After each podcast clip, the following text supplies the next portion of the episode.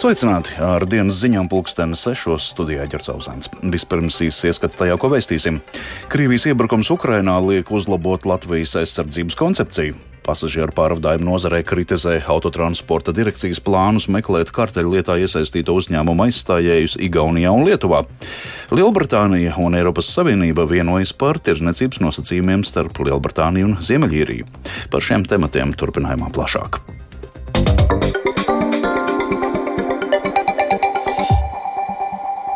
Krievijas iebrukums Ukrainā licis pātrināt Latvijas aizsardzības koncepcijas atjaunošanu. Lielie mērķi par visaptvarošu aizsardzību īstenojami skaidrāk un ar konkrētiem rezultātiem.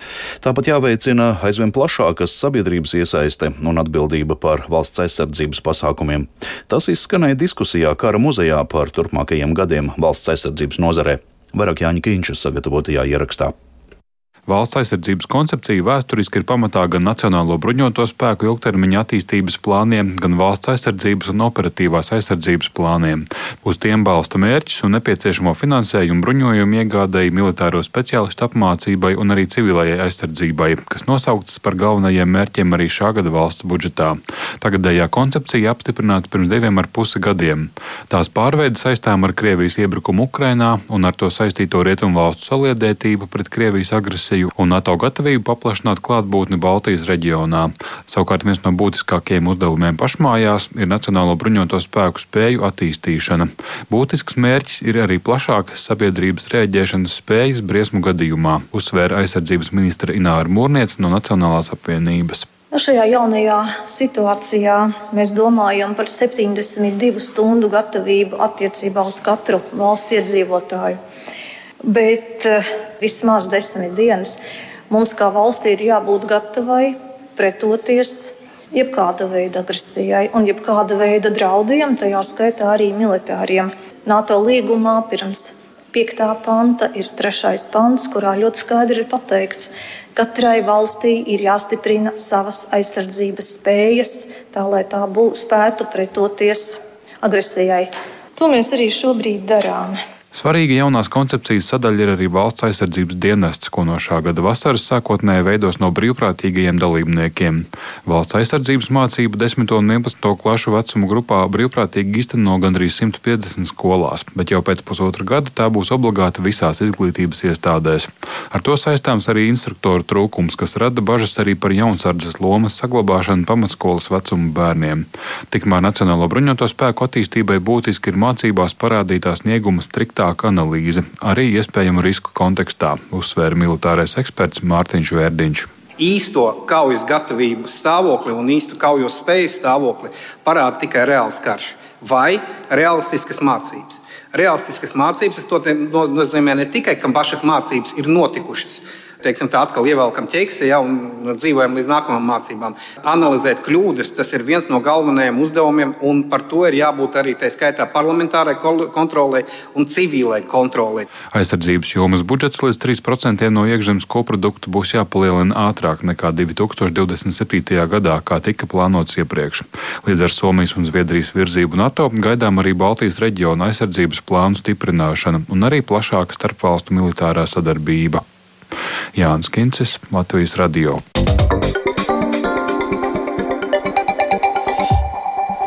Nedēļas nogalē Latvijas atklātajā čempionātā pašmāju klubā startēja peldētāji arī ar Krievijas pilsonību. Latvijas Peldēšanas federācijas ieskatā jauniešus, kas jau ilgstoši uzturas Latvijā, nebūtu jāšķiro pēc pasēm. Tam piekrīt arī Futbola federācija. Bet izglītības un zinātnes ministre Anna Čakša no jaunās vienotības norāda, ka valsts finansētiem sportistiem nevajadzētu startēt sacensībās plecu pie pleca ar Krievijas vai Baltkrievijas atlētiem. Taču šis jautājums jauniešu sportā līdz šim nav diskutēts. Plašāk par tēmāto Sintīs Ambots ierakstā. Latvijas Peldēšanas federācijas prezidents Aivars Platonovs skaidro, ka jaunieti, kas piedalījās Latvijas atklātajā peldēšanas čempionātā, pārstāv tieši Latvijas klubu un nestartē zem Krievijas karoga. Sportisti ir Krievijas pilsone, bet nav nu pat ieradusies no agresoru valsts, un viņa pat laban ir Latvijas rezidente.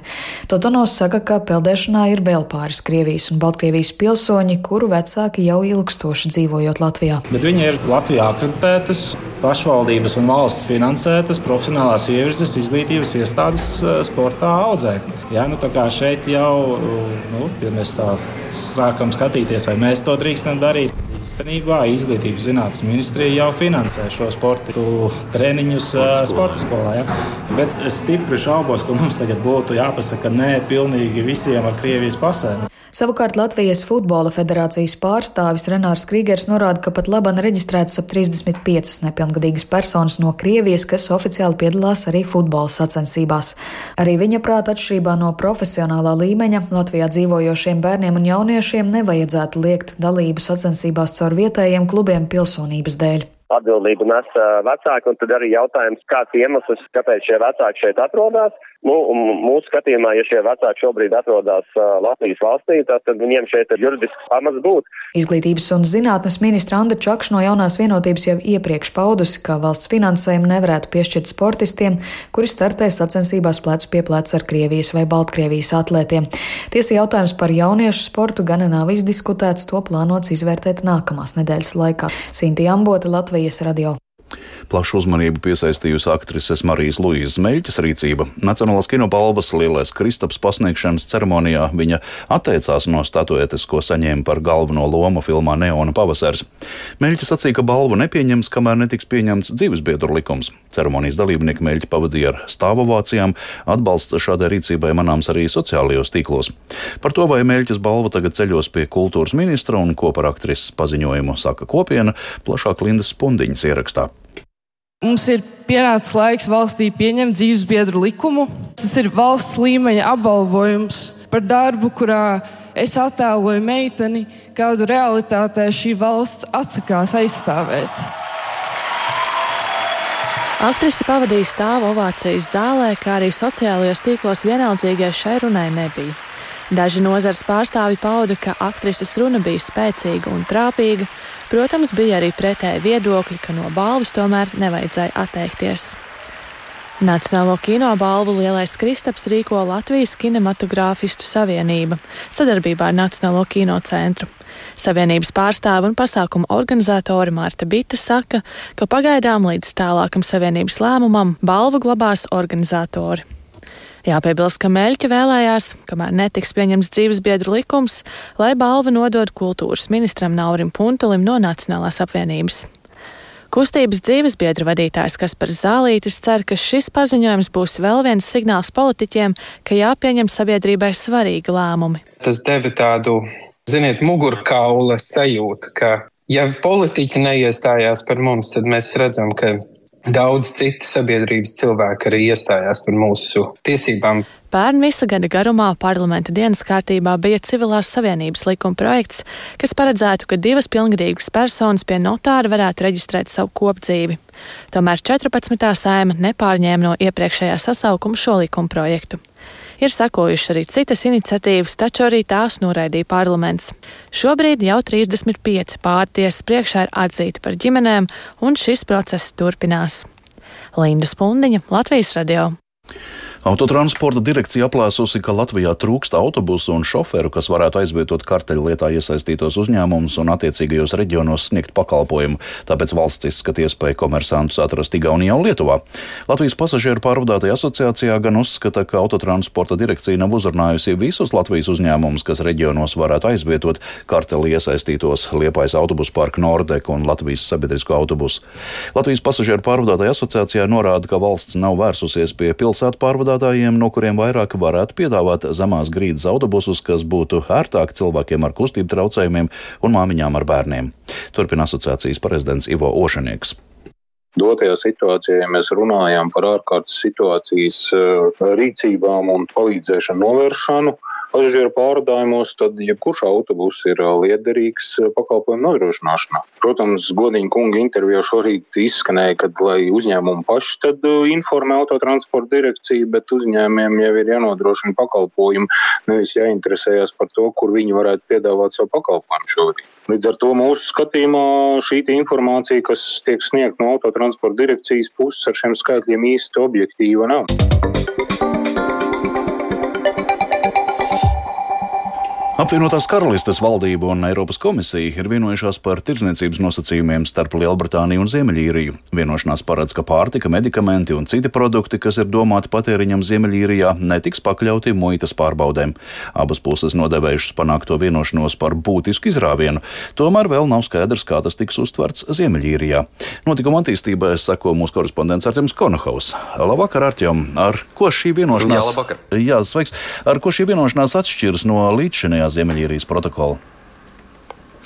Apvienotā karaliste noslēdza tā dēvēto Ziemeļīrijas protokolu kā daļa no izstāšanās līguma ar Eiropas Savienību, un tā paredz tādu īpašu statusu Ziemeļīrijai un nodrošina, ka tā paliek Eiropas Savienības vienotajā tirgu un vienlaikus saglabājot savu um, vietu, protams, arī Lielbritānijas apvienotās karalistes sastāvā.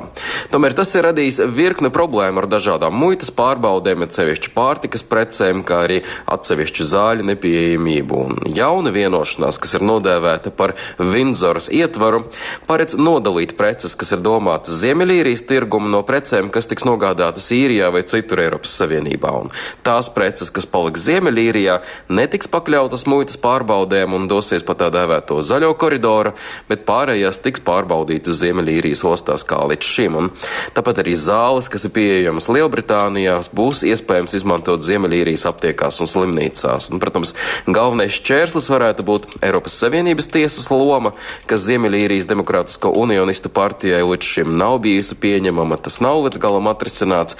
Un citas eiroskeptiķi pagaidām un arī Brexit aizstāvji tomēr diezgan pozitīvi ir izteikušies par panākto vienošanos. Tā kā skatīsimies arī, kāds būs balsojums Lielbritānijas parlamentā par šo, kas arī vēl ir gaidāms. Jā, paldies Arčēvam, Arčēvam Skanahaus par jaunajiem tirzniecības nosacījumiem starp Lielbritāniju un Ziemeļīriju. Šodien Briselē notikušajā brīfingā izklāstīts nedēļas nogalē pieņemtās pret Krieviju vērstās desmitās Eiropas Savienības sankciju paketes saturs. Kļuvis zināms, ka bloks aizliegs Krievijas pilsoņiem ieņemt amatus Eiropas Savienības kritiskās infrastruktūras uzņēmumu valdēs, kā arī liekas Krievijas uzņēmumu piekļuvi gāzes krātuvēm bloku valstu teritorijā. Turpina Rustams Šukurovs.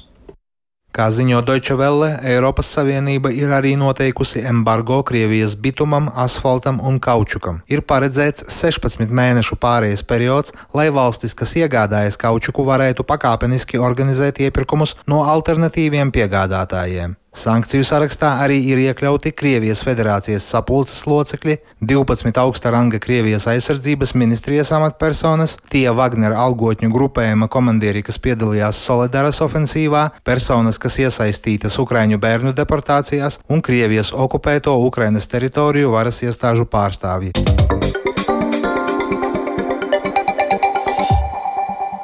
Jaunais Rīgas teātris atcēlis režisoru Ulda Tīrona iestudējumu Gogolis Nature Morte, kam rīt bija paredzēta pirmizrāde, atzīstot to par radošu neveiksmi.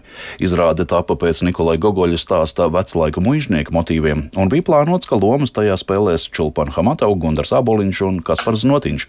Uz visām desmit izrādēm līdz pat aprīļa sākumam biļetes bija izpirktas. Teātris naudu par tām pārskaitīs uz bankas kontu desmit dienu laikā. Plašāk skaidro teātra pārstāve Inga Liepiņa. Mēs pieņemam lēmumu atcelt izrādes Gogols Natura Morte, jo paši atzīstam, ka šoreiz nav sanācis. Tā ir radoša neveiksme, un teātrī tāpat kā dzīvē, tā mēdz reizēm notikt. Skatītāji, protams, saņems arī personiski informāciju savos ēpastos, un arī saņems naudu par šīm iegādātām biļetēm. Nauda tiks atgriezta desmit dienu laikā bankas kontā, kura tika veikta biļešu apmaksa.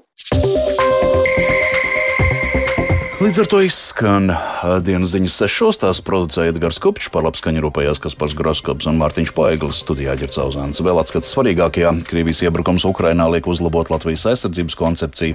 Lielbritānija un Eiropas Savienība vienojas par tirniecības nosacījumiem starp Lielbritāniju un Ziemeļīriju.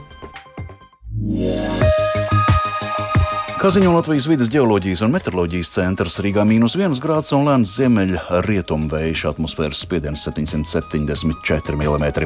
Kāda laika apstākļi gaidām turpmāk stāsta Toms Brīcis. No otrdienas līdz sestdienai gaisa temperatūra pēcpusdienā sasniegs 0,5 grādus, dažās dienās vietām kurzemē un zemgalē līdz 7 grādiem, bet naktīs valsts austrumos valdīs stabils sals, dažās naktīs vietām ap mīnus 10 grādiem, bet vidzemes rietumos zemgalē un kurzemē temperatūra arī naktīs ap nulli. Nokrišņi līdz piekdienai būs maz, bieži saulains laiks, bet brīvdienās gan debesis apmāksies, sestdien gaidāms gan lietus, gan sniegs, svētdien pārsvarā sniegs un temperatūra sāks pazemināties. Ilgtermiņa prognozes norāda uz lielu iespējamību, ka pēc 5. Marta Latvijā sāksies augstāka laika periods.